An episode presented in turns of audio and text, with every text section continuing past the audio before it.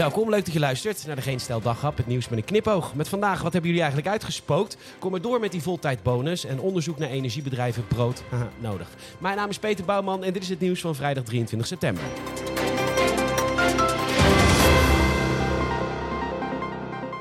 Ja, sorry, ik vraag me nu toch echt af wat jullie hebben uitgespookt. Hebben jullie briefjes op de rug gedaan van de leidinggevende met erop trap me? Of hebben jullie foto's van leidinggevende op Briner gezet en dan afspraakjes gemaakt? Zijn er scheetkussens gebruikt? Ik bedoel, beveiligers van Schiphol. Wat hebben jullie gedaan dat Schiphol liever 350 euro per passagier aan de luchtvaartmaatschappij betalen dan 5 euro per uur meer aan jullie? Bijvoorbeeld uh, deze maand, hè, irritante scheidbeveiligers met jullie stomme grapjes. Deze maand moeten er dus uh, 13.000 minder passagiers dan voorspeld worden verwerkt. En dat zou neerkomen op ruim 4,5 miljoen euro aan afkoop voor maatschappijen. Daarvan kun je 910.000 uur 5 euro extra kunnen uitgeven. Ruim 30.000 uur per dag. 1263 uur extra 5 euro per uur. Uur. Dus hoe bond hebben jullie het gemaakt? Dat dat geld liever naar grote multinationals gaat dan naar jullie arme, arme arme Dick Benschop. Die zal wel weggepest zijn door jullie. Het kan niet anders. Hernieuwd respect voor die man. En nu hoop ik opeens heel erg dat Pechtold zijn opvolger wordt. Zo, we kijken naar de beelden bij de NOS van Dennis Poetjin, de zelfbenoemde leider van de zelfverklaarde Volksrepubliek Donetsk. Hij, ja, hij brengt zijn stem uit en hoewel dat referendum natuurlijk één grote farce is, is het toch altijd pijnlijk om te zien dat ze daar wel een referendum hebben en wij hier totaal niet. Ja, jee, applaus.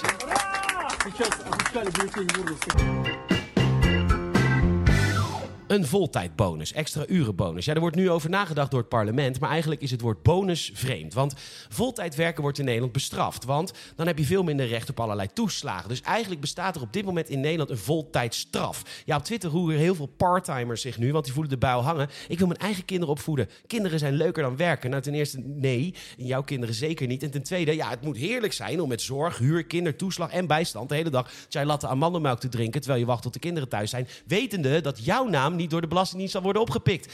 En natuurlijk vecht je voor alle voorrechten die je hebt als parttimer via Twitter en, uh, en Twitter en... Ja, want echt de barricades opgaan zal je niet doen. Want dat staat in de weg van het minimaal zes uur per dag op de bank zitten stinken. Wachten totdat je oh zo leuke kinderen Bink en Chardonnay weer thuis zijn. Gisteren liet wel weten dat de autoriteit Consument en Markt geen reden ziet om een onderzoek te starten naar de energiebedrijven, waarvan sommigen hun prijzen per 1 oktober zullen verdubbelen. Vandaag in de Telegraaf wordt een energie-expert gevraagd of die energiebedrijven geen misbruik maken van het feit dat ze zo toch wel worden gecompenseerd door de overheid. De expert zegt nee, de consument.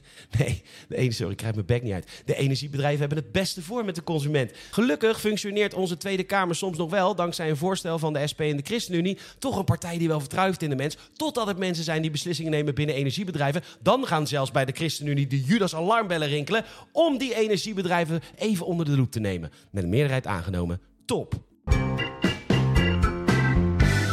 Bedankt voor het luisteren. Je zou ze enorm helpen als je een vriend of vriendin uh, of familielid vertelt over deze podcast. Mond-tot-mond reclame. Je kan ook een uh, review achterlaten via Spotify. En dat kan ook via Apple Podcast. Ik ben er morgen niet. Ik ben er zondag weer. Tot dan.